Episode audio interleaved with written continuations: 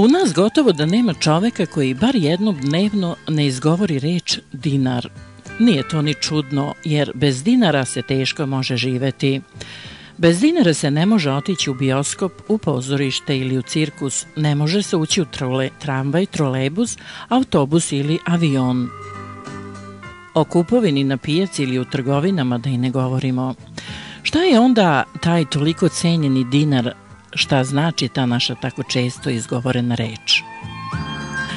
Rekoh, eto, naš reč misleći na dinar, a dinar po poreklu nije uopšte naša reč.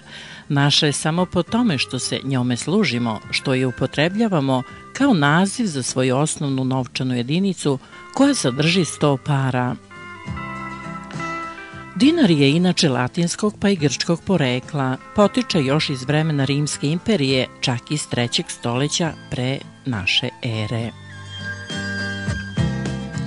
Od 269. godine pre naše ere kovao se u Rimu srebrni novac denarius, desetak desetica desetača, nazvan tako po tome što je sadržavao 10 asa, a as je bio u Rimu novčana jedinica – koja se delila na 12 uncija.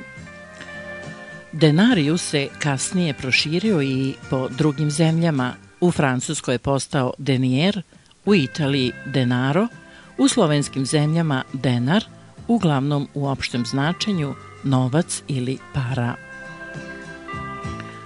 U Grčkoj je još ranije postao denarion.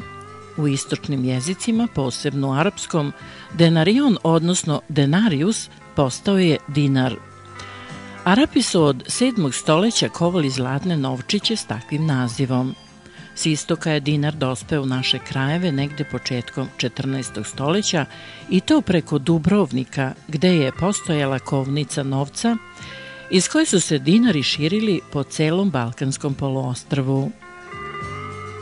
Kao novčana jedinica dinar je kod nas uveden tek krajem 19. stoleća u Srbiji, a kasnije prihvaćen i u Jugoslaviji, zamenjujući 1918. godine crnogorski perper i austro-ugarsku krunu, koja je dotada važila u krajevima što su bili pod austro-ugarskom vlašću.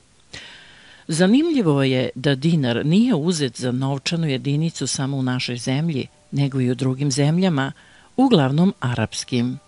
U Iraku jedan irački dinar ima 100 filiska – zatim Jordanu, Adenu, Alžiru, Bahreinu, Kuvajtu i Tunisu.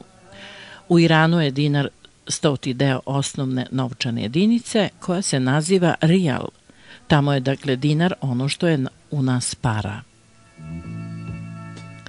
Naziv para potiče inače iz turskog jezika.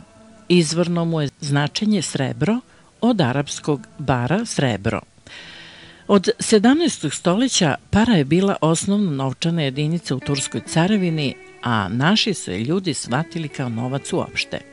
Zato se i danas kaže nemam para, što znači nemam novaca. Krajem 19. stoleća para je u Srbiji prihvaćena kao naziv za najmanju novčanu jedinicu, stoti deo dinara, što se zadržalo do danas.